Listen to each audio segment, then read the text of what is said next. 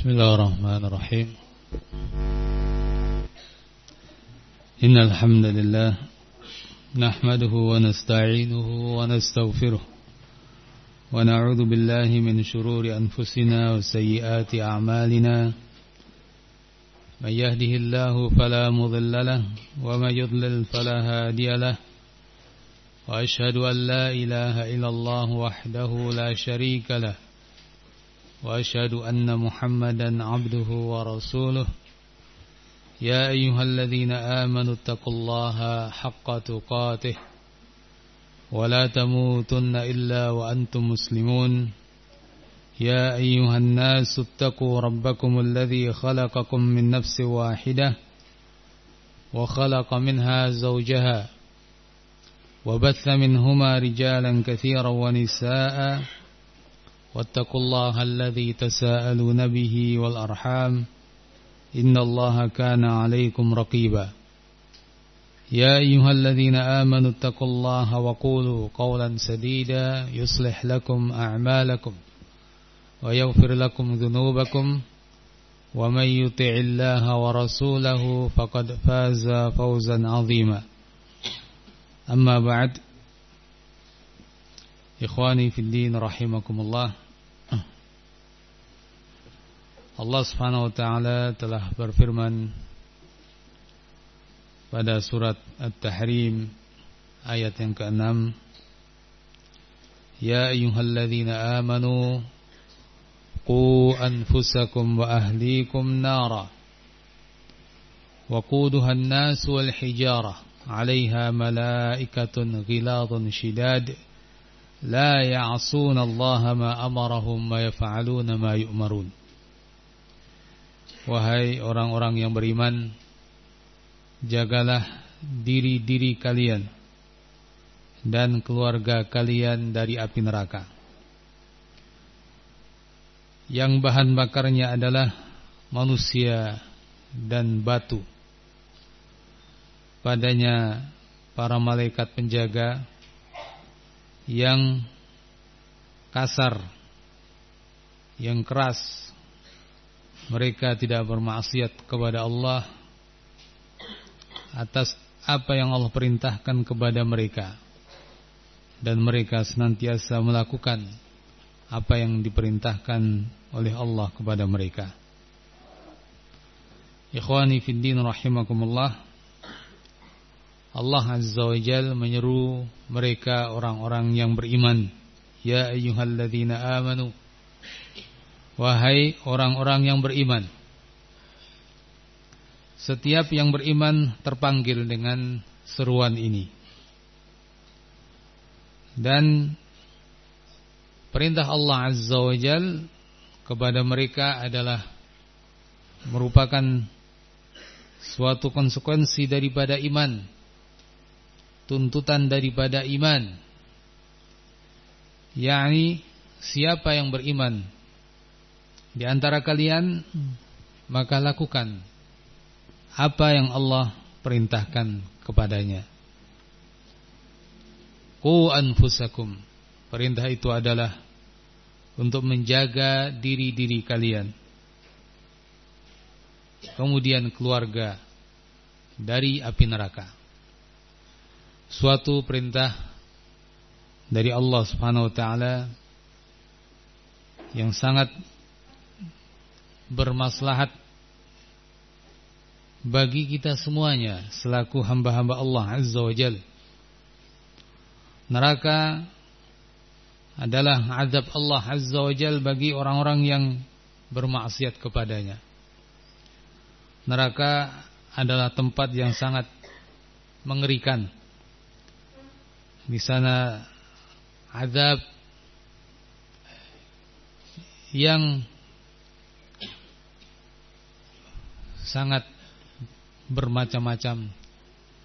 Allah sediakan bagi manusia karena mereka berdosa, bermaksiat, melanggar syariat Allah Azza wa Jal. Panas api neraka seperti kata Rasulullah sallallahu alaihi wasallam narukum hadhihi juz'un min sab'ina juz'an min nari jahannam.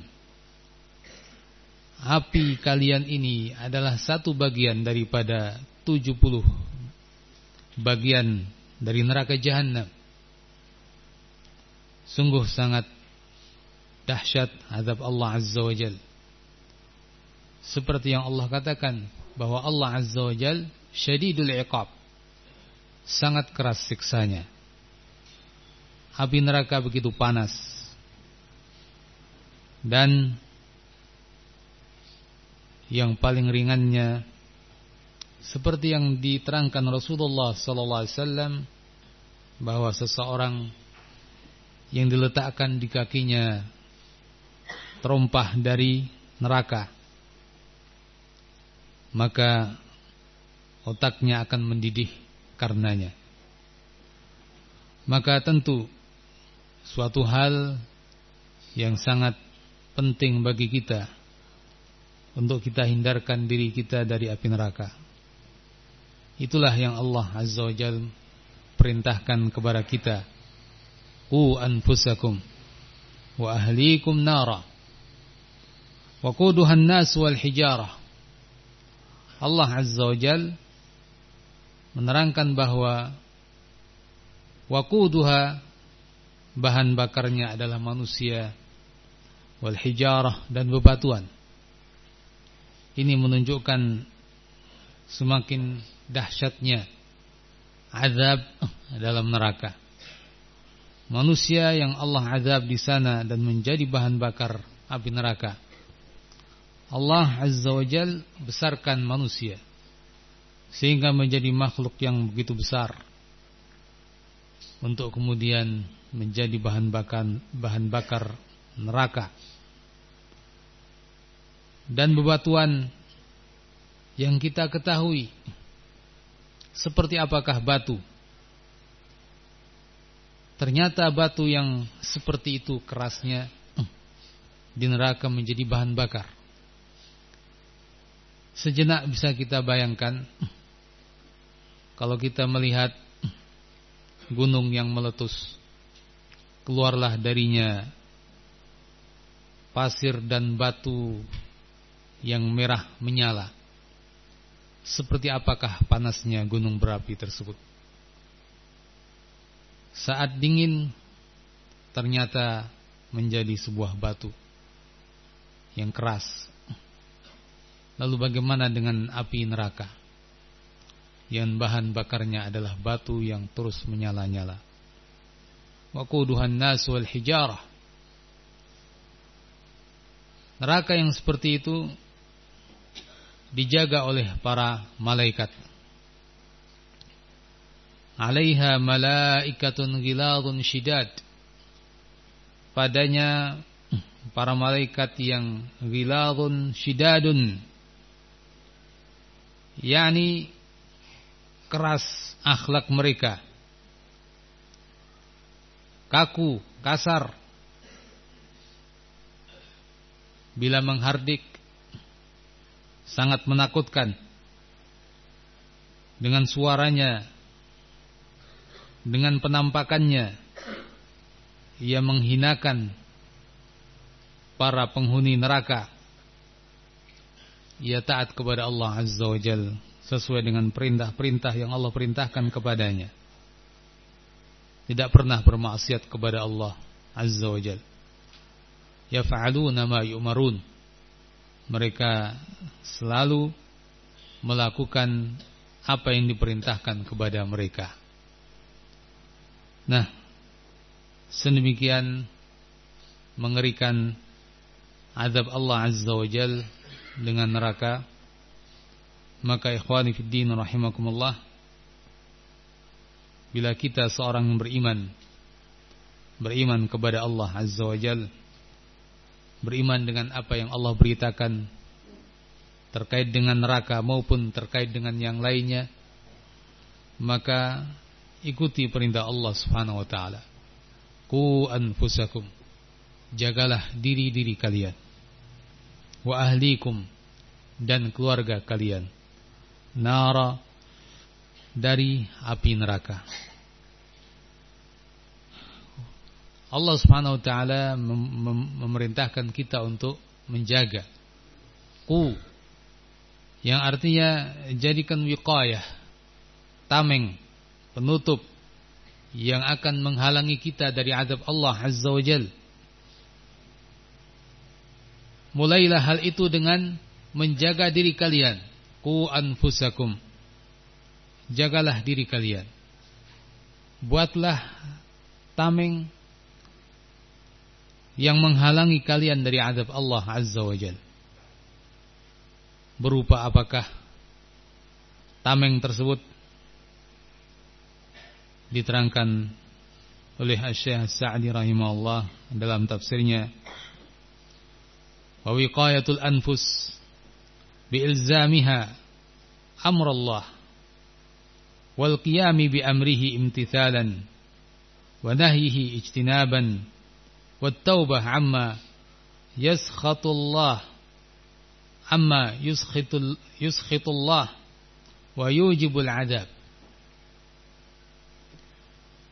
menjaga diri kita, membuat sebuah tameng yang menghalangi diri kita dari azab Allah Azza wa Jal.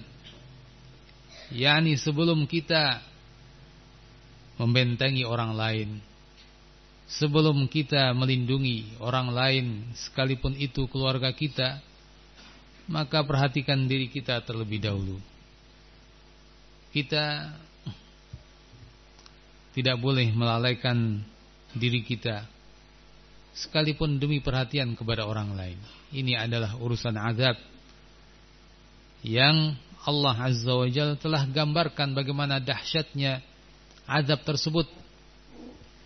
Jangankan neraka yang seperti itu. Allah Subhanahu wa taala menceritakan bagaimana uh, di hari kiamat kelak Masing-masing sangat berharap selamat. Yawaddul mujrimu law yaftadi min adabi yaumi idzin bibani. Seorang yang berbuat dosa, seorang yang berbuat jahat berharap seandainya dia bisa menebus dirinya dari azab Allah Azza wa Jalla dengan mengorbankan anak-anaknya. Bayangkan. Lau yaftadi min adabi yaumi idin bibani demi keselamatan dirinya ketika itu dia rela mengorbankan anak-anaknya. Ikhwani fiddin rahimakumullah. Kalau kita di dunia Mungkin kita akan dapati banyak manusia lebih memilih keselamatan anak daripada keselamatan dirinya.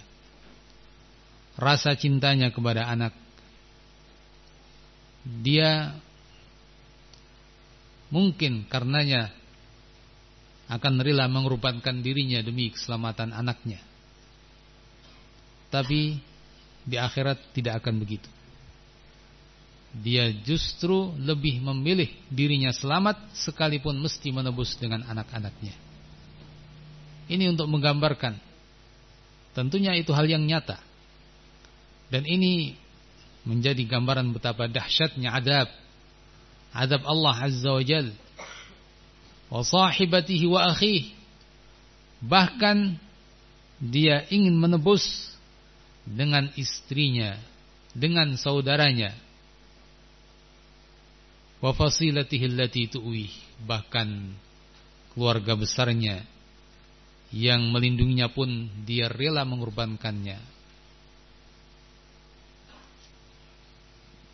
waman fil ardi jami'an bahkan semua yang di bumi kalau dia punya dia rela mengorbankan dengan semua itu demi apa demi keselamatan dirinya Thumma yunjih. Kemudian itu bisa menyelamatkan dirinya. Nah, ikhwani fiddin rahimakumullah. Maka Allah Azza wa Jal memerintahkan terlebih dahulu agar diri-diri kita memperhatikan terhadap diri kita sendiri sebelum orang lain. Ku anfusakum. Selamatkan diri kalian. Utamakan diri kalian terlebih dahulu. Sebelum orang lain sekalipun anak istri kalian. Adab ketika itu begitu dahsyat. Lalu bagaimana kita melindungi diri kita? Diterangkan oleh Syekh As-Sa'di rahimahullah biilzamiha amrallah. Dengan cara kita memaksakan kepada diri-diri kita untuk taat kepada perintah-perintah Allah Azza wa Jalla. Paksakan diri kita lawan nafsu kita. Tundukkan agar mau taat kepada Allah Azza wa Jalla. Inilah yang kemudian disebut oleh sebagian ulama dengan istilah jihadun nafs. Jihad melawan diri diri kita sendiri. Melawan nafsu kita dan menundukkannya untuk taat kepada Allah. Untuk memulai ketaatan itu dengan belajar, dengan talabul ilmi, dengan mempelajari apa yang Allah perintahkan dan apa yang Allah larang. Untuk kemudian perintah-perintah itu dilaksanakan dan larangan-larangannya ditinggalkan, berita-beritanya dibenarkan. Ikhwani fillah rahimakumullah. Kemudian wal qiyam bi amrihi imtithalan wa nahyihi ijtinaban taubah dan setelah itu berusaha untuk senantiasa taubat dari segala sesuatu yang membuat murka Allah Azza wa yang mengharuskan atau menyebabkan azab dari Allah Subhanahu wa taala. Setelah dia berusaha untuk senantiasa taat namun Ternyata manusia tidak lepas daripada kesalahan. Kullu bani Adam khata. Semua bani Adam orang yang senantiasa salah. Maka ia mesti melengkapi dirinya dengan senantiasa bertaubat kepada Allah Azza wa Jalla. Senantiasa istighfar kepada Allah Subhanahu wa taala. Minta ampun kepada Allah atas dosa-dosanya atas kekeliruannya, kesalahannya, ada yang disengaja, ada yang tidak sengaja. Selalu kembali menjadi orang yang awab, senantiasa kembali kepada Allah Azza wa Jal. Lihatlah bagaimana para nabi Allah Azza wa Jal mensifati mereka sebagai awab, orang yang senantiasa kembali dan taubat kepada Allah. Lihatlah bagaimana Rasulullah alaihi salatu wassalam. Beliau orang yang begitu taat kepada Allah Subhanahu wa taala. Namun demikian taubat selalu beliau lakukan. Istighfar tidak pernah lepas dari lisan beliau alaihi salatu wassalam. Beliau sallallahu alaihi wasallam sampai mengatakan innahu la yughanu ala qalbi wa inni la astaghfirullah fil yawm la astaghfirullah fil yawm mi'ata marrah. Innahu la yughanu ala qalbi. Sungguh kalbuku terkadang terselimuti. Yakni disebutkan oleh para ulama rahimahumullah bukan Nabi SAW jatuh dalam suatu dosa jatuh dalam suatu maksiat bukan. Tapi terkadang beliau tersibukkan dengan sesuatu dari zikir-zikir beliau. Kita tahu bahwa beliau adalah seorang yang mengurusi segala urusan umat. Beliau nabi dan rasul. Beliau adalah pemimpin umat. Beliau di samping mengurus urusan-urusan umat, beliau pun seorang yang mengurusi urusan keluarga sendiri. urusan yang sangat banyak dan bermacam-macam. Terkadang hal itu menyibukkan beliau dari zikirnya kepada Allah Azza wa Jalla. Beliau orang yang senantiasa berzikir. Karena yadhkurullah ala kulli ahyani. Beliau senantiasa di segala saat berzikir kepada Allah Azza wa Jalla. Namun sesekali ada sesuatu yang membuatnya uh, terlalaikan karena hal-hal tersebut sedikit tertutup karena hal-hal yang menjadi tugas-tugas beliau yang sesungguhnya itu semua juga adalah bagian daripada kebaikan dan zikir kepada Allah Azza wa Jalla. Namun beliau alaihi salatu wassalam menganggapnya sebagai sesuatu yang kurang. Sehingga beliau alaihi salatu wassalam beristighfar kepada Allah Azza wa Jalla.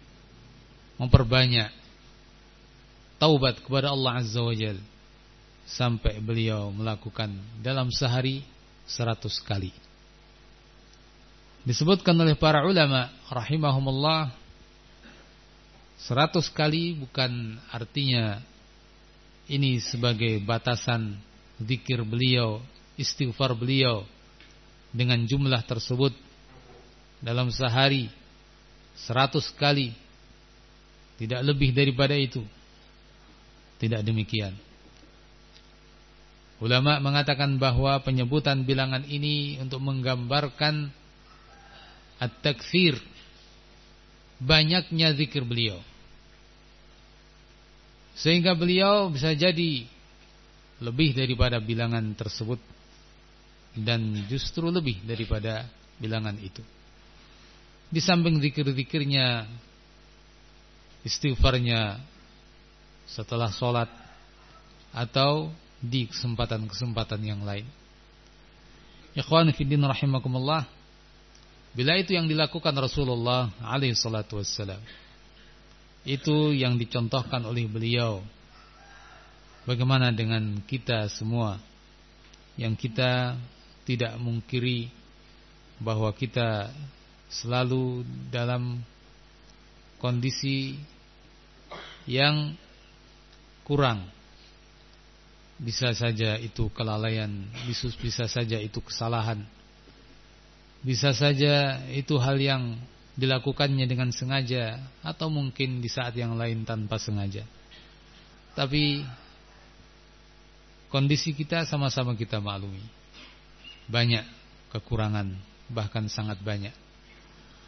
Maka tentu sudah menjadi hal yang lebih pantas untuk diri-diri kita banyak beristighfar kepada Allah Azza wa Jalla, banyak bertaubat kepada Allah Subhanahu wa taala. Ikhwan fiddin rahimakumullah Allah Azza wa Jal juga berfirman dalam ayatnya pada surat Fussilat fastaqimu ilaihi wastaghfiruh. Fastaqimu ilaihi. Beristiqamahlah kalian. Istiqamahlah kalian kepada Allah Azza wa Jal berjalanlah menuju Allah dengan istiqamah wastaghfiruh dan mohonlah ampun kepada Allah, kepada Allah. Mohon ampun kepada Allah Azza wa Jalla. Ikhwan fiddin rahimakumullah pada ayat tersebut Allah memerintahkan agar kita istiqamah. Namun datang perintah setelahnya langsung untuk istighfar kepada Allah Azza wa Jalla. Istiqamah dan istighfar. Upaya untuk terus sedidu sedidu kata Rasulullah SAW berupayalah berupayalah untuk tepat. Namun tidak semua manusia bisa. Bahkan seringnya ia melenceng dari hal yang tepat itu maka kata Rasulullah SAW qaribu mendekatlah. Teruslah berusaha. Diterangkan oleh para ulama, jadi kalau begitu karena istighfar kita menjadi penutup bagi kekurangan-kekurangan kita. saat kita berusaha untuk istiqamah maka datanglah perintah istighfar setelah perintah istiqamah. Ikhwan fiddin rahimakumullah kalau kita melakukan itu dan senantiasa berusaha untuk menjaganya maka insyaallah kondisi kita akan selalu lebih baik dengan kita tutupi kekurangan-kekurangan itu melalui taubat kita kepada Allah Azza wa Jalla. Ikhwani fiddin rahimakumullah. Selanjutnya setelah seseorang berupaya menyelamatkan dirinya dari adab Allah Azza wa Jalla, maka berikutnya perintah darinya agar kita menyelamatkan keluarga kita. Wa anfusakum wa ahlikum. Jaga diri kalian dan keluarga kalian. Keluarga istri kita dan anak-anak kita. Mereka adalah tanggung jawab kita semua. Seorang suami bukan hanya memimpin dalam urusan duniawi, tapi semestinya ia pun memimpin dalam urusan ukhrawi. Ia bukan hanya seorang yang dituntut untuk perhatian dalam urusan sandang, pangan, dan papan bagi keluarganya. Lebih daripada itu ia dituntut untuk perhatian dengan urusan agamanya. Pengajaran yang benar, pendidikan yang lurus bagi keluarganya, anak dan istrinya. Inilah yang dimaksud dengan perintah Allah Azza wa Jal agar seseorang menjaga keluarganya. Oleh karenanya ditafsirkan oleh Ali bin Abi Talib radhiyallahu an sebagaimana riwayat yang disampaikan dari beliau. Beliau mengatakan alimuhum wa adibuhum ajarkan kepada mereka ilmu. Ajarkan kepada mereka adab. Begitulah cara untuk menyelamatkan mereka dari adab Allah. Begitulah cara untuk melindungi mereka untuk membentuk sebuah wiqayah tameng dan penghalang yang akan menghalangi mereka dari adab Allah Azza wa Jal dengan mengajarkan ilmu kepada mereka dengan mengajarkan adab kepada mereka Ikhwani fiddin rahimakumullah ini adalah tanggung jawab janganlah seorang suami dan seorang kepala keluarga lalai akan tanggung jawab ini jangan ia hanya perhatian dengan sandang pangan dan papannya saja. Sehari-hari itu yang dia lakukan. Pergi di waktu pagi, pulang di waktu sore. Tiap hari dia lakukan hanya demi kebutuhan duniawi. Ia relakan semuanya itu demi tanggung jawab itu. Ini yang mungkin dinilai baik oleh umumnya masyarakat. Seorang suami dan seorang ayah yang bertanggung jawab. yakni terutama dalam urusan duniawi. Bagaimana dengan orang yang sudah tidak perhatian sampai urusan ini juga? Nah, yang seperti itu saja dalam pandangan syariat kita belum dikatakan sebagai seorang yang bertanggung jawab sekedar urusan duniawi yang dia perhatikan, dia bukan seorang kepala keluarga yang baik. Tapi seorang kepala keluarga yang baik adalah yang betul-betul perhatian dengan urusan dunia dan akhiratnya. Ya seorang pemimpin bertanggung jawab dalam kepemimpinannya. Rasulullah SAW bersabda dalam hadis, "Inna Allah sa'il kulla ra'in an ra'iyatih, hatta yas'al ar-rajul an ahli baitih." Allah Azza wa Jal akan bertanya. Allah Azza wa Jal akan minta pertanggungjawaban Tiap seorang penanggung jawab tentang tanggung jawab yang dia emban. Hatta yas'al ar-rajul an ahli baitih. Sampai nanti Allah Azza wa Jal pun akan menanyakan pada tiap-tiap orang tentang keluarganya. Ia punya tanggung jawab besar. Bukan bab makan dan minum saja tapi bab tanggung jawab urusan agama. Ikhwani fi din rahimakumullah. Allah Azza wa Jalla berfirman dalam ayatnya menegaskan dan menerangkan tentang hal ini. Wa'mur ahlaka bis salati wastabir 'alaiha la nas'aluka rizqa nahnu narzuquka wal 'aqibatu lit taqwa. Wa'mur ahlaka bis salah perintahkan keluargamu untuk sholat. Wastabir 'alaiha dan bersabarlah padanya. La nas'aluka rizqa. Kami tidak minta kepadamu rezeki. Nahnu narzukuk justru kamilah yang memberikan rezeki kepadamu. Wal 'aqibatu taqwa dan akibat baik bagi ketakwaan. Nah, Allah Azza wa Jal merintahkan agar kita memerintahkan keluarga untuk sholat.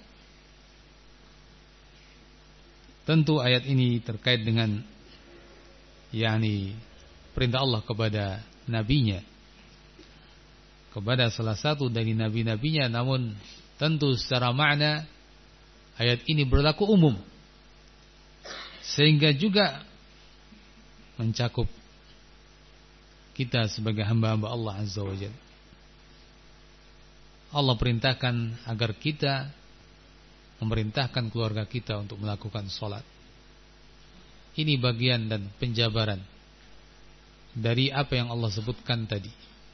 Melindungi keluarga dari api neraka. Dan bersabarlah di atasnya.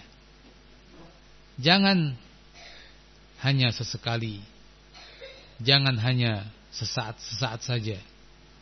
Tapi perhatian kita terhadap bab ini adalah perhatian yang terus berlangsung. Tiada batas sampai kita tutup kehidupan kita dengan kematian. Tiada bosan, tiada jemu. Begitulah seterusnya kehidupan kita senantiasa perhatian dengan agama.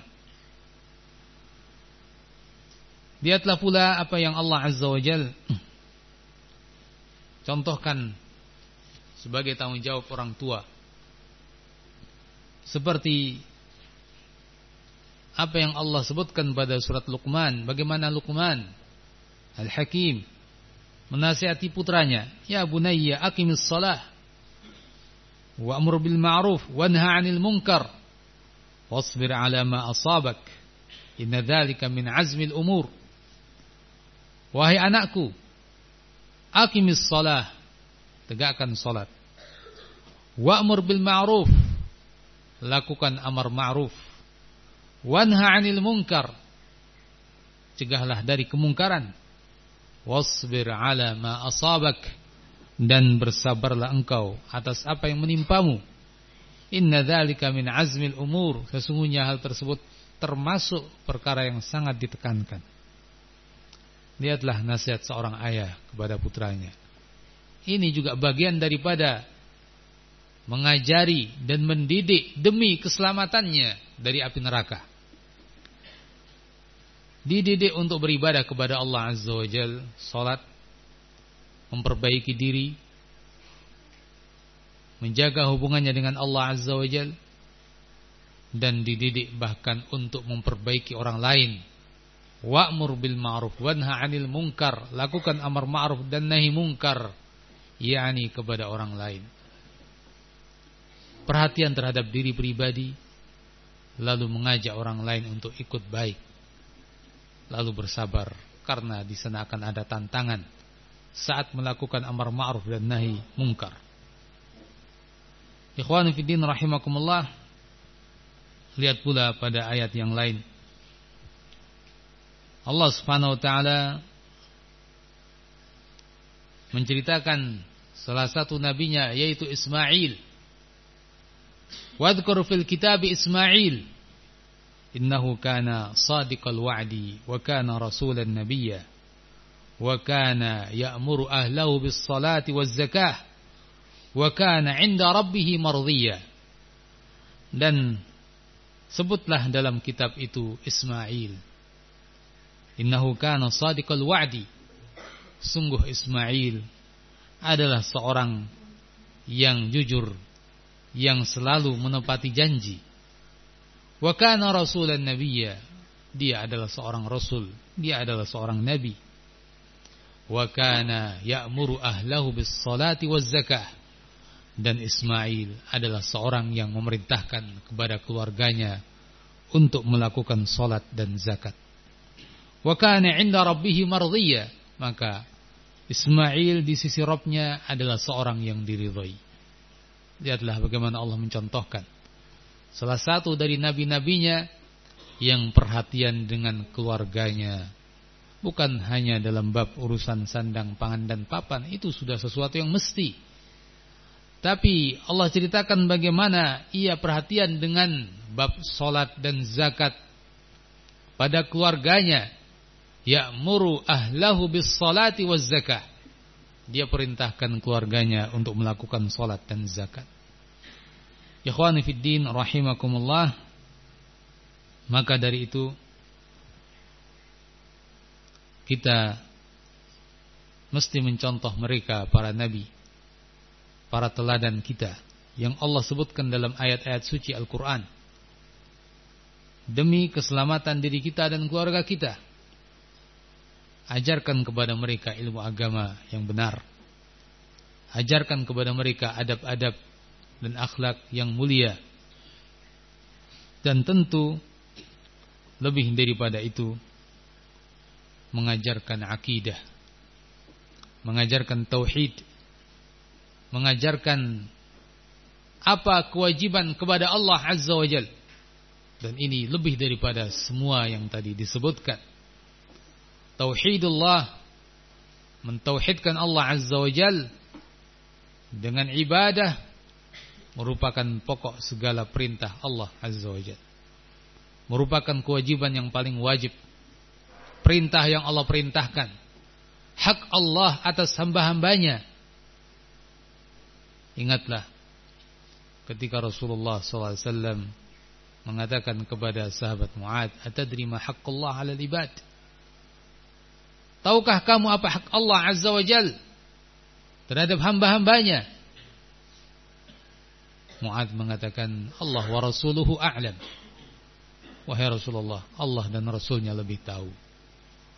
Nabi menerangkan anta'buduhu wa la tusyriku bihi syai'a. Kalian mengibadahi Allah dan jangan berbuat syirik sedikit pun. Itulah hak Allah yang wajib kita untuk lakukan kepadanya karenanya. Bahkan karena itulah kita diciptakan. Kita ada di dunia ini. Allah ciptakan kita untuk itu. Wa khalaqul jinna wal insa illa liya'budun. Tidaklah kuciptakan jin dan manusia kecuali untuk ibadah kepadaku. Yani liwahidun agar mentauhidkan aku. Maka wujudkan tauhid pada diri kita dan anak kita, istri kita. Ajarkan apa hak-hak Allah Azza wa Jal. Ajarkan mereka untuk ibadah hanya kepada Allah. Satu-satunya. Ajarkan kepada mereka apa itu ibadah. Apa saja yang termasuk dalam ibadah. Dan tujukan ibadah itu hanya kepada Allah semata. Ajarkan kepada mereka pula apa itu segala yang membatalkan tauhid. Dan ini hal yang juga sangat-sangat penting. Karena dengan itu akan semakin jelas apa yang dituntut atas kita. Apa tauhid yang mesti kita lakukan. Dan Tentu dengan kita mengetahui pembatal-pembatal tauhid, kita juga bisa menjaga keutuhan tauhid itu. Tanpa seseorang mengetahui pembatal-pembatal tauhid, maka dia bisa saja telah melakukan sebagian darinya dan ia tidak menyadari ternyata tauhidnya rusak. Dan ketahuilah bahwa pembatal tauhid secara global adalah syirik, menyekutukan Allah Azza wa Jal, menyekutukan Allah Subhanahu wa taala, menjadikan tandingan baginya. Dan syirik bermacam-macam. Intinya adalah memberikan sebagian ibadah kepada selain Allah Azza wa Jalla. Berdoa kepada selain Allah. Minta syafaat kepada selain Allah. Menyembelih sembelihan karena selain Allah Azza wa Jalla. Dan praktek-praktek yang sangat bermacam-macam. Rasa takut kepada penunggu tempat-tempat tertentu yang membuatnya melakukan ritual-ritual tertentu kepada penunggu tempat-tempat tertentu yang mereka yakini. Ini adalah perbuatan-perbuatan syirik yang bisa menjadi pembatal tauhid, yang bisa menghancurkan agama, yang dengannya berarti ia tidak melakukan hak Allah Azza wa Jalla terangkan bab iman dan akidah secara menyeluruh. Dari mulai hak-hak Allah tersebut sampai pembahasan akhir daripada iman kepada takdir baik maupun buruknya. Dan tak lupa di samping pengajaran tauhid, pengajaran ibadah seperti solat, zakat dan lain-lain dari berbagai macam ibadah, maka juga tentu pengajaran akhlak, ad-dibuhum, ajari adab, akhlak yang mulia. Dan lihatlah bagaimana Rasulullah alaihi wasallam. Perhatian beliau dalam segala urusan termasuk bab adab. Beliau ajari anak-anak. Untuk itu, saat beliau melihat seorang anak makan di sebuah nampan, kemudian tangannya ke sana kemari, segera beliau mengajari kepada anak itu. Ya gulam, Bismillah, wa kul biyaminik. Wakul mimma yalik. Wahai anak, bacalah basmalah. Berdoa, membaca basmalah sebelum makan. Wakul biyaminik. Makanlah dengan tangan kananmu. Wakul mimma yalik dan makanlah mulai dari yang terdekat kepadamu. Mencontohkan bagaimana mengajari adab kepada anak-anak. Tentu ini hanya contoh yang ini bagian daripada adab-adab itu yang kita ambil darinya pelajaran bahwa begitu pula adab-adab yang lain. Adab salam, adab berbakti kepada orang tua, adab masuk rumah, adab dalam bab tidur, dalam bab masuk keluar kamar mandi dan seterusnya. Nah, ikhwani fiddin rahimakumullah itulah yang bisa kita lakukan demi menjaga diri kita dan keluarga kita dari api neraka. Ikhwan fiddin rahimakumullah tentu dalam praktek ya, hal itu akan menuntut banyak hal menuntut banyak sekali pendidikan-pendidikan kita di rumah pendidikan-pendidikan kita di sekolah di pondok-pondok pesantren ma'ahid ilmiah semua itu adalah sesungguhnya dalam rangka ini semuanya dalam rangka menjaga diri kita dan keluarga kita dari api neraka maka kita harus sama-sama mewujudkannya. Sama-sama bertahun untuk bisa melaksanakan itu.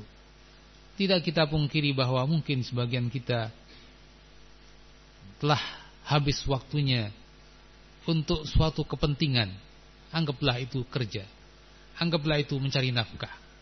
Sehingga ia tidak bisa perhatian kepada anaknya. Ia telah punya anak banyak. Istrinya pun tidak bisa mengaturnya maka sudah menjadi hal yang wajar dia menyekolahkannya. Sehingga sekolah adalah atau pondok pesantren, ma'ahid adalah tempat kita melaksanakan perintah Allah tersebut. Ma'ahid sarana yang sangat membantu kita untuk melaksanakan Allah untuk melaksanakan perintah Allah Azza wa Jalla tersebut. Untuk melaksanakan perintah Allah Azza wa Jalla tersebut. Ini suatu hal yang tidak dipungkiri. Maka dari itu adanya pondok-pondok pesantren adalah merupakan suatu nikmat yang Allah berikan kepada kita. Untuk itu kita harus bersama-sama untuk merasa punya tanggung jawab padanya. Kita saling membantu Kekurangan yang ada pada satu orang bisa tertutupi oleh yang lain. Kekurangan orang tua dalam mendidik tertutupi oleh para guru, para mudarrisi. Maka Allah Azza wa Jalla berfirman dalam ayatnya, "Wa ta'awanu 'alal birr wat taqwa wa la ta'awanu 'alal itsmi wal 'udwan."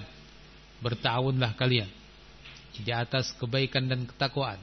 Jangan saling bantu membantu dalam dosa dan permusuhan atau hal yang melampaui batas. Untuk itu ikhwan fillah rahimakumullah ya.